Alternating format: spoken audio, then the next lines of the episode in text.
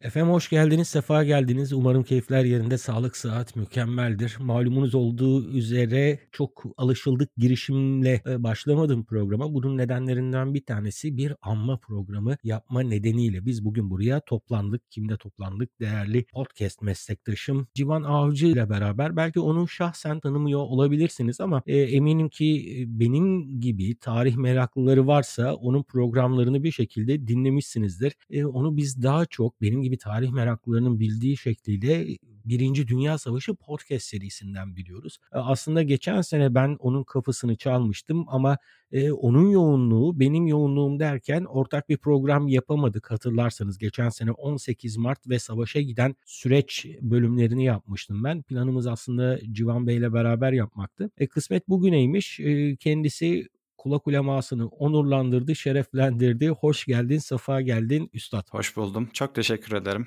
nazikçe bu davetiniz için. Keyifler yerinde inşallah. Çünkü bildiğim kadarıyla oldukça keyifli bir yerde yaşıyorsun. Ee, şu an yaklaşık 300 nüfuslu bir dağ köyündeyim. Ee, Toros Torosların eteğinde e, tabiri caizse inzivaya çekildim. İnzivaya çekildin. E, peki e, bunu tercih yani zaruri şartlar neticesinde değil. Çünkü İstanbul'da yaşayıp da bunu gerçekleştirmek isteyen çok fazla insan var. Yok kesinlikle tercih meselesi. Benim son 8 yılım yaklaşık e, Avrupa'da geçti. Barcelona'da 4,5 yıl doktora yaptım. Daha sonra Paris Sorbonne Üniversitesi'nde e, araştırmacı olarak çalıştım. En sonunda ülkeye dönme kararı aldım. Biraz da yurt dışında geçirilen zamanların getirdiği yorgunluk, insanlarla sürekli iletişimde olmak, stresli bir hayat diyelim. Oradan oraya koşturmanın getirdiği yorgunluk beni buraya itti. Hep hayalimdi zaten yani. Doktora ve akademi çalışmaları tarih üzerine miydi yoksa farklı bir bilim dalında mı ilerlediniz? Tarih üzerinde değildi. Tarih benim e, ilgi alanım. Sürekli merak duydum. Özellikle askeri tarih, savaş tarihi diyelim ilgi alanım. Benim çalışmalarım, ben malzeme bilimi mezunuyum. Eskişehir'den mezun oldum. Daha sonra Bilkent'te kimya master'ı yaptım. Daha sonra kimya ağırlıklı malzemeler üzerine çalıştım daha çok. Barcelona'daki doktoram yine malzeme bilimi üzerineydi fakat bir kimya laboratuvarında çalıştım. Sorbonne Üniversitesi'nde de yine benzer bir çizgide ilerledim. Şimdi geçtiğimiz günlerde güzel bir program yaptık. Lex Historia ismindeki podcast'in yapımcısı Mustafa Bey ile. Mustafa Bey kendini daimi bir tarih talebesi olarak e, yorumluyor.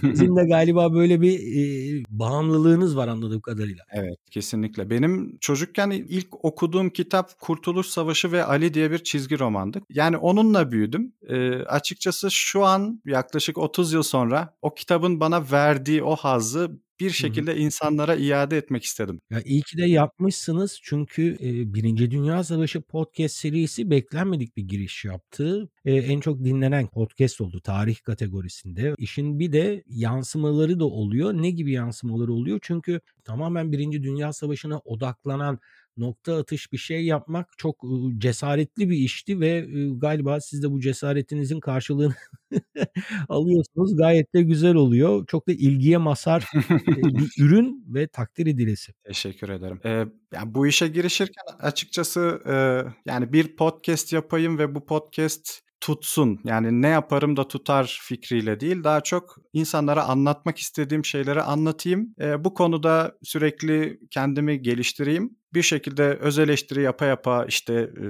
yani bölümler üzerinde yenilikler getire getire anlatım tarzımı bir şekilde geliştire geliştire gideyim de insanların ilgisini çekebileceğini düşünüyordum. Yani benim ilgimi çeken bir şey olurdu başka birisi yapsaydı bunu yani çok klasik olacak ama kendi hoşuma giden içeriği üretmeye çalıştım. Üzerine eğildim ve işte bugünlere geldi. Civan Bey ile beraber Çanakkale'deki kara muharebelerini konuşacağız ama eğer ki meranız varsa e, Batı cephesinde değişen bir şey yokla beraber de galiba Birinci Dünya Savaşı'na ilgi arttı. Çünkü o bölümlerden bir tanesi ona aitti galiba. Benim zaten öngörüm Birinci Dünya Savaşı'nın yani medyada daha çok yer bulacağı üzerineydi. Çünkü biliyorsunuz İkinci Dünya Savaşı'yla büyüdük yani biz Hı. tarih severler, savaş tarih severler olarak İkinci Dünya Savaşı belgeselleri, filmleri artık izlemediğimiz e, hiçbir materyal kalmadı. E bunun sebebi tabii ki de o savaşta daha çok Amerika Birleşik Devletleri'nin oynaması ve bir nevi savaşı kazanan taraf olmasıydı. Ve tabii ki ortada daha fazla kaynak vardı. Yani hikayeler daha tazeydi. Birinci Dünya Savaşı'nın hikayesi o yüzden biraz eksik kaldı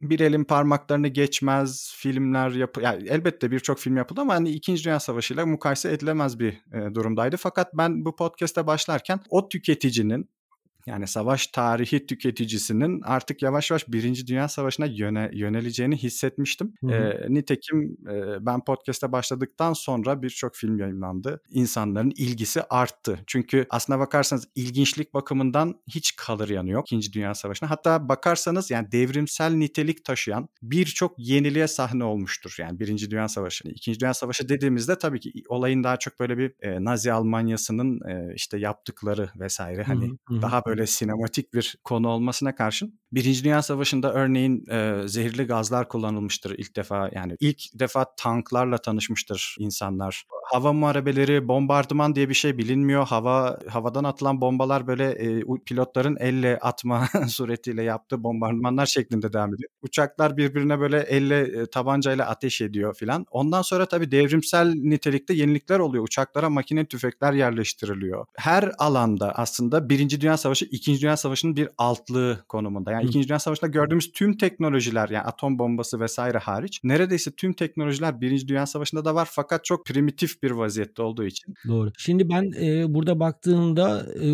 bugüne kadar 36 bölümü yayınlanmış Birinci Dünya Savaşı podcast serisinin son bölümü Mazurya Gölleri Muharebesi. Ondan önce Doğu cephesinde kış muharebeleri, bizim konuşacak olduğumuz Çanakkale cephesiyle ilgili 12 farklı bölüm var. Benim en hoşuma giden bölümlerden bir tanesi Türk dostu bir Avustralyalı Charles Ryan'ın hikayesiydi. Gerçekten çok ilginç bir evet. hikaye. Hani Plevne'den tutun da e, Mezopotamya'ya kadar farklı yerlerde karşımıza çıkan bir figür e, gibi gibi bir sürü şey var. Mesela işte Lot muharebeleri var. Şey de çok güzeldi. Siperlerde bir gün nasıl geçiyor? Yani sadece herhangi bir şekilde istatistik olarak kalmış insan sayılarından ziyade o insanların da hayatlarına dokunan çok güzel içerikler var. Biz bugün yalnız bunların hepsine vakit ayıramayacağız haliyle. Çanakkale'de gerçekleşen kara muharebelerinden bahsedeceğiz ki bir parça toparlayalım. Geri kalanını da bu arada dediğim gibi yani 12 bölüm var. Şu ana kadar yayınlanmış Çanakkale muharebeleriyle ilgili biz sadece bu program ne kadar sürer bilmiyorum ama o süre içerisinde özetlemeye çalışacağız. O yüzden biraz böyle hızlı gitmekte de fayda var. Şimdi Üstad 8,5 ay süren bir muharebe var burada. Deniz muharebeleri bittikten sonra 8,5 ay süren bir çıkarma süreci var. Başarılı olanlar var. Bizim geri püskürttüklerimiz var. Ondan sonra tamamen biraz da gizli gizli sinsi sinsi donanmanın buradan uzaklaşıp gitmesi var. Toplam kaç çıkartma oluyor? Çünkü e, biz turist rehberleri gittiğimiz zaman konuya hakim olanları tenzih ederek söylüyorum. Genelde herkes bir Anzak çıkarmasına odaklanırız. Hı hı hı. Ama bildiğim kadarıyla tek bir çıkartma olmuyor burada. Ya burada 75 bin kişilik bir itilaf ordusundan bahsediyoruz. Akdeniz hı. Seferi Kuvvetleri diye. Bu itilaf ordusunun içinde Anzaklar 30 bini teşkil eder. Yani Anzak çıkarması neredeyse yarısı Arıburnu çıkarması olarak da bilinir. Bu çıkarma önemli bir çıkarmadır çünkü Gelibolu Yarımadası'nın en güney ucundaki Ertuğrul Koyu ve Tekke koylarına yapılan çıkarmalarla birlikte en fazla askerle yapılan çıkarmadır ve aslında savaşın neredeyse bitirebilecek bir çıkarmadır. E, sayıya dönecek olursak toplamda 7 çıkarma yapılıyor. Bunlardan 6 tanesi Avrupa yakasındaki Gelibolu Yarımadası'na. Bu 6 tanesinden 5 tanesi İngilizler, bir tanesi de işte Anzak Anzaklar aslında yanlış Hı. bir tabir de Anzak bir kol ordudur. Kol ordu. Anzak kol ordusu tarafından yapılıyor. Bir tanesi de bu yedincisi Kumkale'ye. Anadolu yakasındaki Kumkale'ye yapılıyor. Hatta bir tane de çok şaşırtma hamlesi var Bolayır'a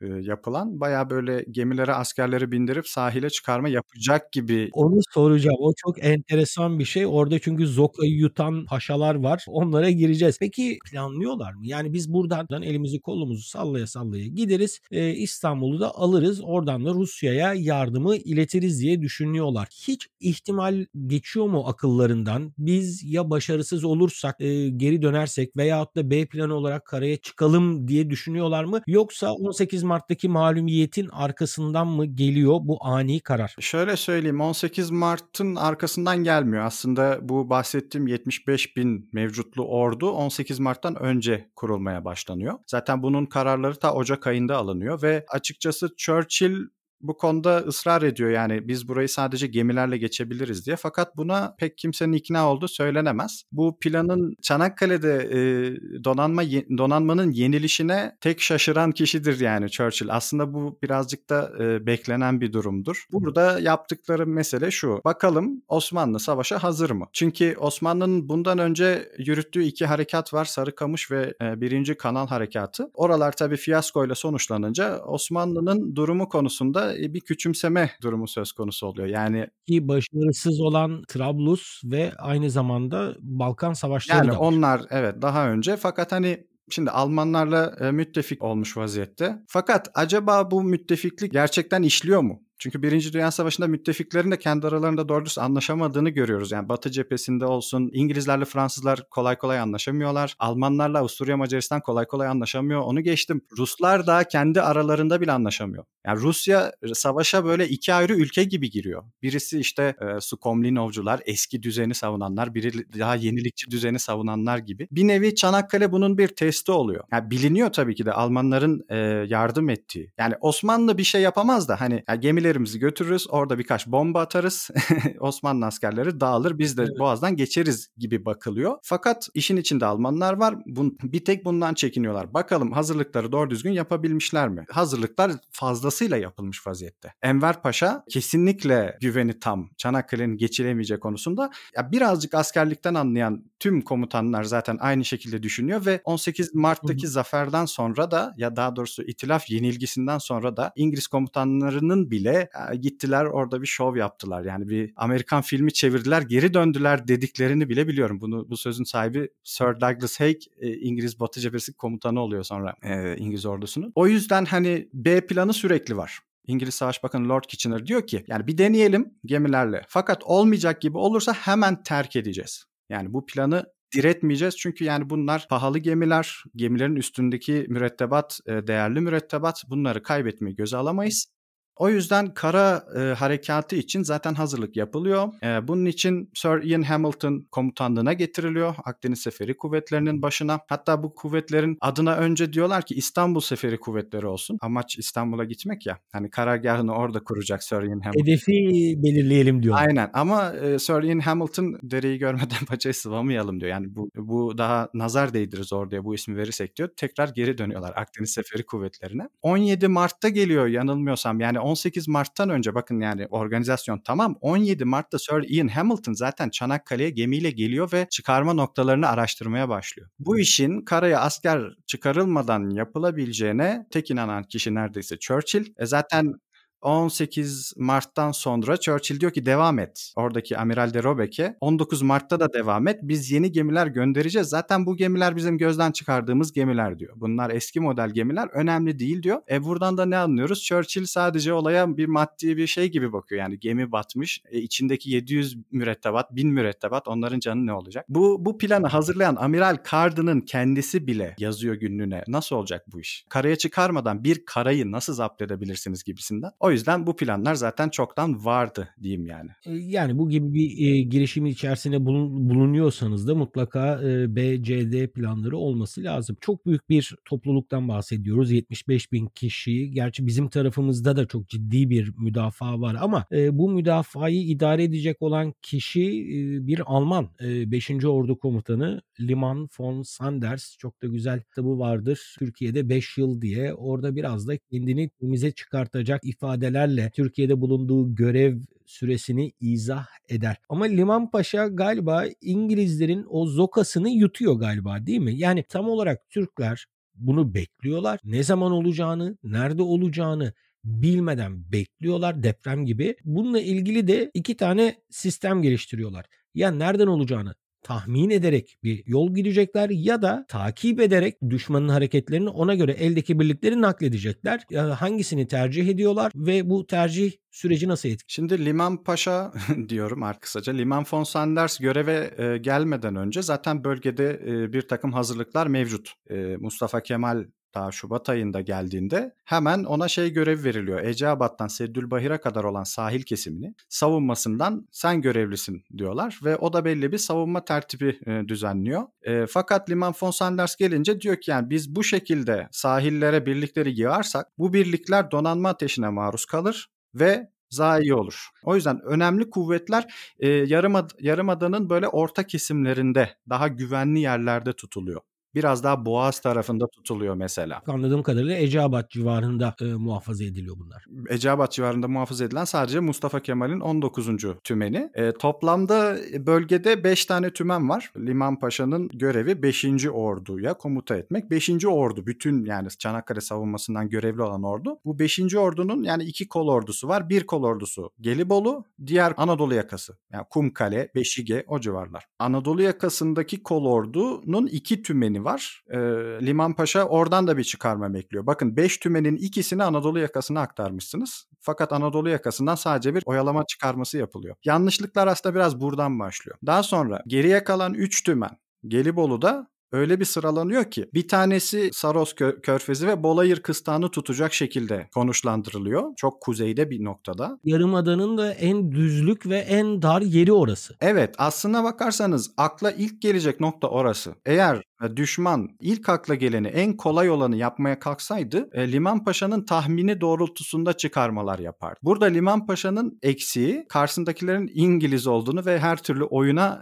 açık olduğunu yani bu işi öyle kolay tahmin edilebilir bir şekilde yapmayacağını anlayamaması oldu belki de. Ama yani onu da ben açıkçası suçlayamam. Çünkü bir ihtimaller denizi var ortada. Karşı tarafın şimdi biz burada biliyoruz işte 75 bin diyoruz 7 çıkarma bunları bilerek konuşmak başka bir şey. Karşı tarafın kaç birliğinin olduğunu bilinmemesi. Bu birlikleri kaç ayrı noktadan çıkaracaklar? O noktalar nasıl kombinasyon olacak? Nerelere saldıracak? Sonsuz bir ihtimal denizinden bahsediyoruz. Atatürk'ün galiba en büyük avantajı da Balkan Savaşı sırasında evet. burada bulunan bir birlikle e, savunma yapması ve doğal olarak bölgeyi coğrafi olarak çok iyi tanıması. Bölgeyi çok iyi tanıyor. E, Koca Çimentepe zaten e, Anzakların ilerlemek istedikleri ilk gün hedefi. Daha önce orada bulunmuş. Keza geldikten sonra da karış karış e, geziyor. Harita bilgisi tam kafasında her şeyi halletmiş ve o üç noktaya işaret ediyor. Diyor ki Alçıtepe, Koca Çimen Tepesi, Anafartalar. Üç tahmininden ikisi doğru çıkıyor. Koca Çimen Tepe'ye ulaşmak için işte Arıburnu'ndan çıkarma yapmanız gerekiyor. Alçıtepe'ye ulaşmak için de Seddülbahir'den çıkarma yapmanız gerekiyor. Anafartaları bir tek bilemiyor fakat Kader'in cilvesi çıkarmalar olduktan aylar sonra yani muharebeler artık olgunlaşıyor çıkmaza giriyor. İtilaf kuvvetleri bir çıkarma daha yapıyorlar Suvla'da. Oradan da Anafartalar cephesi açılıyor. Aslında bütün tahminlerinde doğru.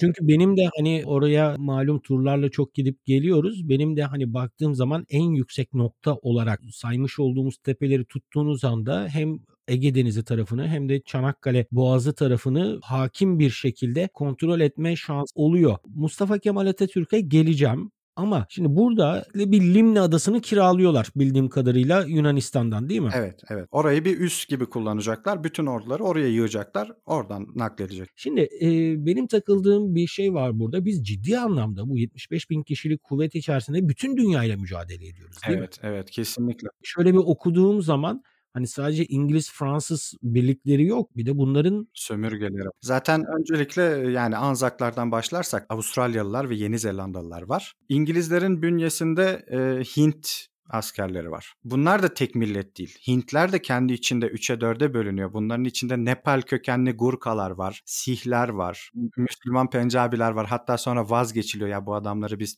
Müslüman Türklere karşı belki kullanamayız diye. E, onların yerine Sihler ve Gurkalar e, alınıyor. E, Fransızların bünyesinde Senegalliler var. Senegallilerin evet. hikayesi çok ilginçtir.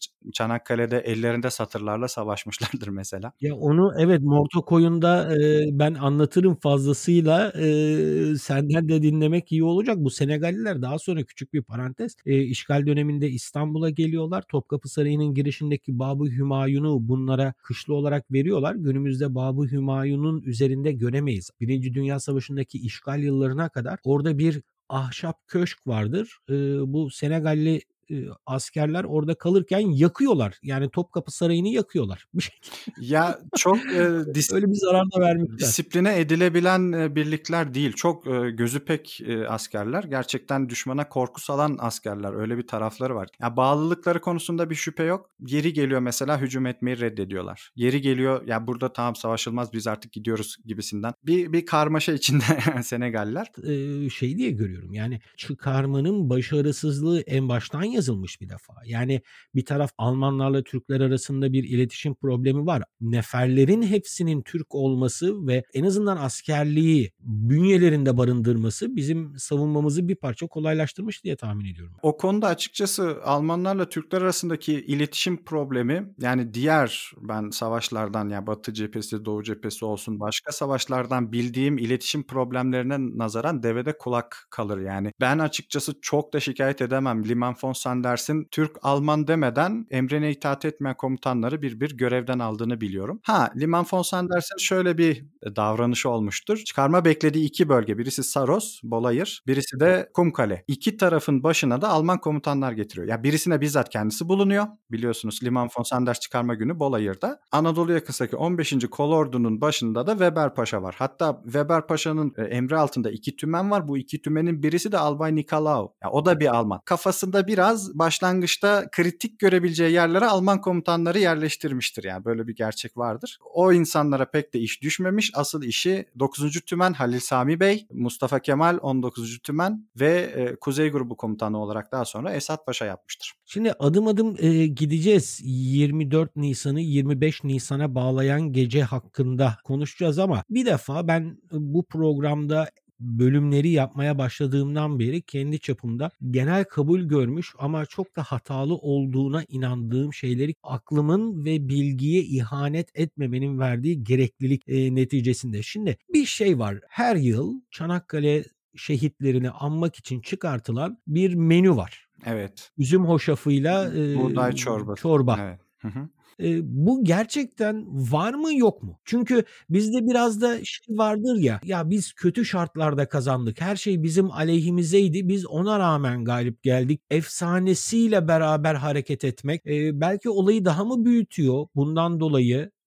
Sen ne düşünüyorsun ve araştırmaların sana neleri çıkart? Yani şimdi Çanakkale çok popüler bir konu. Haliyle bu durumu e, daha da dramatikleştirerek daha da sanki e, zaferi daha da büyütme gibi bir eğilimi var. Fakat zafer aslında doğru dürüst anlaşıldığı zaman gerçekten çok büyük bir zaferdir. Ve bu tarz dramatizasyonlara ihtiyacı yok. Yani kara muharebeleri Osmanlı ordusunun tıpkı Batı orduları gibi modern bir savaş yürütebileceğini, kendinden aslında kat katça zengin bir orduyu alt edebileceğini, hatasız bir şekilde savaşabileceğini olabileceğini göstermiştir. Bu mükemmel bir olaydır. Kaldı ki e, buğday çorbasıyla beslenmelerine rağmen savaştılar. Açıkçası bu beni çok heyecanlandırmıyor. Neden heyecanlandırmıyor? Çünkü bu ikmalin düzgün yapılmadığı anlamına gelir. Bu da orduya kötü yazılır. Ya ordunun notunu Tabii. düşürür aslında. Bizim daha daha... Kaldı ki başkente yakın bir yerde eğer ikmal yapılamıyorsa Evet. Zaferi sadece bir tesadüfe indirger. Ya böyle olmamıştır zaten. Ha e, o bahsedilen menü ben yani eğer yanılmıyorsam Irak cephesine ve 1917 yılına ait bir menüdür. Ya daha doğrusu bir askerin san, yanılmıyorsam günlüğüne yazdığı bir yazıdan alınma bir şeydir. Çanakkale'de yani benim araştırmalarıma göre askerlerin hatıratlarından gördüğüme göre e, gayet günümüzde de keyifle yediğimiz yemeklerden o askerler de yemişlerdir. Etiyle, sütüyle, sucuğuyla, şunuyla, bunuyla. Ha yeri gelmiş taze meyve sebze gönderilememiştir ama bu zaten dünyadaki bütün ordular için geçerlidir. Açıkçası yani menülere bakacak olursanız Batı cephesinde İngiliz ordusunda mı savaşmak istersiniz? Çanakkale'de e, Türk ordusunda mı savaşmak istersiniz? Yani menü olarak söylüyorum sadece. Kesinlikle Türk ordusunun menü, menüsü çok daha zengindir sıcak yemek hususunda. O dönem konserveye çok alışkın bir millet değiliz. Ee, İngilizler hı hı. İngilizler için konserve mesela her şey demek. E, adamlar üretebilince yani böyle milyonlarca konserve et, et üretmişler mesela. O yüzden askerlerine de bu kalitesiz yemekleri vermişler. Ama bizim öyle bir alışkanlığımız yok. Bizde olabildiğince sıcak yemek, olabildiğince besleyici yemekler e, çıkmış. Ha tek düzelik vardır. Yani yeri gelmiş günler binlerce kuru fasulye, nohut e, bu tarz e, bakliyatlar çıktığı olmuştur ama tek düzelik her yerdedir. Yani savaştır yani orası bir sonuçta. Anzak birliklerine geleceğiz. E, çıkartmadan bahsedeceğiz ama son bir şey. Aborjinler var. Evet. Hem de aborjinle ben bunu mesela karşılaştığımda bayağı şaşırmıştım. Yani Allah'ın aborjinlisi ta Avustralya'dan buraya kaldı ki kendileri bir şekilde işgal edilmiş, topraklarını kaybetmiş insanlar hangi motivasyonla buraya gelerek de bizim toprakları işgal etmek gibi veya en azından o işgalin bir parçası olmak gibi ruh durumuna kapılmışlar. Ya bana sorarsanız aborjinlerin bu davanın ne davası olduklarının çok da bilincinde olduklarını sanmıyorum. Birçok insan zaten savaşa yani maaşlı bir iş, bir macera, hı hı bir değişiklik, bir gezinti ya da bir arkadaş baskısı. Bu sebeplerle katılıyor. Aborjinler de orada yasalar gereğince vatandaşlıktan bile sayılmıyorlar. E vatandaş olmayan insan askere de yazılamıyor aslında. Ama bir şekilde kendilerini yani o gemilerde bulmuşlar. Önce Mısır'a daha sonra Çanakkale'ye gelebilmişler. Ama işte o insanların savaşma psikolojisini biz 2023 itibariyle belki de çok anlayamayız. Çok fazla sebep var yani birçok bir, bir, bir şey olabilir. Çevre baskısı olabilir, geri kalmama güdüsü olabilir, macera olabilir, gençlik sorunlarından kaçmak olabilir mesela her şey olabilir. 24 Nisan gece yarısı yüzbaşı Faik'in gözlemlerine göre bir hareketlilik başlıyor karşı kıyılarda. Şu ana kadar anlattıklarımızdan bahsedersek sadece Anzak birliklerinin yaptığı bir çıkartma yok. 7-8 çıkartmadan bahsediyoruz ki onlardan kısa kısa birazdan bahsedeceğiz. Hatta fiyaskoyla sonuçlanacak denli çıkartmalar da olacak. Ve 75 bin kişilik işgal amacıyla toplanmış olan birlikte Fransızların Kuzey Afrikalı ve Senegalli birlikleri var. Hintli var, e, Pencabiler var, e, Nepalliler var, Aborjinler var, Varoğlu var. Hepsi bir araya gelmişler ve 24 Nisan'ı 25 Nisan'a bağlayan gece Türk tarafının komutanı olan Liman von Sanders'in çok da öngörmediği bir yerden çıkarma yapmayı planlıyorlar. Hesap edemedikleri Mustafa Kemal Atatürk gibi o zaman henüz adını bilmedikleri ama zamanla öğrenecekleri bir komutanın aldığı refleksle beraber savaşın kaderi değişiyor. Galiba bir kişinin de hatası var. İngiliz e, birliklerini çıkartmaya çalışan çıkarma gemisinin çarkçısı. E, şimdi bu Anzak çıkarmasından bahsediyorsunuz. Evet. O bir tane çarkçı bakıyor görüyor ki şimdi çıkarma Şimdi Kabatepe sahili vardır. E, o sahile çıkmayı hedefliyor aslında Anzaklar. O sahil çıkarma yapmaya çok elverişli. Bir yandan geniş bir sahil, derin bir sahil. Artı hedefleri olan o işte sırtlara tırmanacaklar ve sonra Jong Bayırı ve akabinde koca Çimentepe'yi ele geçirecekler. O sırtlara daha tatlı bir yokuşlardan tırmanma imkanı sağlayan bir sahil. Şöyle bir tehlike seziyor orada bir tane çarkçı. Yani gece vakti yapılıyor bunlar bu arada. Hatta öyle bir ayarlanıyor ki ayın battığı saatle güneşin doğacağı saatin o bir saatlik arasına planlanıyor ki hiçbir şey zifiri karanlık. İşte bu çarkçı tam sayıları hatırlamıyorum birçok filikayı çeken e, lighterler e, bir tanesi bakıyor görüyor ki yani bölgede Kaba Tepe diye bir böyle yassı bir tepe var. Kaba Tepe'ye fazla yaklaştığını hissediyor. Şimdi eğer biz buraya yaklaşırsak e, burada da Osmanlıların topçuları vardır büyük ihtimal. Biz bunların topçu ateşine maruz kalırız diye. Yani rotasının yavaş yavaş güneye saptığını düşünerek kendi inisiyatifiyle kuzeye dümenini çark ettiriyor. E, zincirleme olarak bütün tekneler e, kuzeyde bir noktaya dar bir sahile çıkıyorlar. Günümüzde Anzak Koyu olarak bilinen yer burası galiba. E, tam olarak değil. Anzak Koyu olarak e, aslında Arıburnu'nun kuzeyine komple Anzak Koyu deniyor. Ama hı sanırım hı hı. E, orada iki burun noktası var. Yani arı burnu. Hı hı. O ikisinin arasında 500-600 metrelik bir küçük bir sahil var. Hı hı. Oraya çıkıyorlar aslında. Şey e, Anzakların o gidip andıkları yer tam olarak orası değil diye biliyorum. Çünkü hı hı. sonrasındaki çıkarmalar daha o geniş sahile yapılıyor. Fakat o ilk birlikler o küçük dar sahile yapı ve e, yapıyorlar çıkarmayı ve çıkar çıkmaz da karşılarında kocaman bizim hain tepe onların Plagis Plateau dedikleri bir tepeye tırmanmak zorunda kalıyorlar. Askersiniz, e, yarıya kadar ıslanmışsınız, işte 30 kilogramlık çantanız var. Şeyleri e, denize bırakıyorlar galiba e, daha kolay çıkabilmek için o bütün iaşe çantalarını falan bırakıyorlar yemeksiz memeksiz falan çıkıyorlar oraya. E, yemeksiz çıkıyorlar zaten sonraları su sıkıntısı da çekecekler, cephane sıkıntısı çekecekler. İşte o Tugay komutanı bir inisiyatif alıyor. Diyor ki yani bu tırmanmanın bir an önce yapılması lazım. Çantalarınızı sahile bırakın. Sizlere sonra bir şekilde bu çantaları ulaştıracağız diyorlar. Tabii ki bir daha göremiyorlar bu çantaları. Çünkü savaş esnasında dost birlikleri hücum ediyorlar o çantalara. Bu şekilde bir hatayla gerçekleşiyor. Fakat bunun normalde hep yani bir dezavantaj olduğu düşünülür. Detaylı bir analiz yapacak olursak evet ilk etapta zor zorlu bir tepeye tırmanmak zorunda kalmışlardır bu askerler. Çıktıkları nokta daha güvenli bir bölgedir. Gerçekten de o çarkçının korktuğu Kabatepe'deki topçular hı hı. E, Türk topçusundan uzakta bir yerde çıkarak nispeten daha güvenli bir çıkarma yapmışlardır ve hemen akabinde top ateşi başlar başlamaz da birinci sırtla ikinci sırt arasındaki vadiye kaçarak bir şekilde canlarını kurtarmışlardır. O vadinin adı da Şarapnel Vadisi'dir hatta yani çok fazla şarapnel düştüğü için. Evet. Yani aslında daha kolay bir yerden başladılar. Yani Jonk Bayırı ise hedef. E, Jonk Bayırı'na daha yakın Hı-hı. bir yerden başladılar. Aslında daha avantajlı bir yerden başladılar. Sadece ve sadece daha önceden yapılmış plandan planın dışına çıkıldığı için ufak bir karmaşa yaşandı. Bu. Ya bu bu ama çok etki ettiğini çok fazla fazla söyleyemem. Bigalı'da konuşlu 19.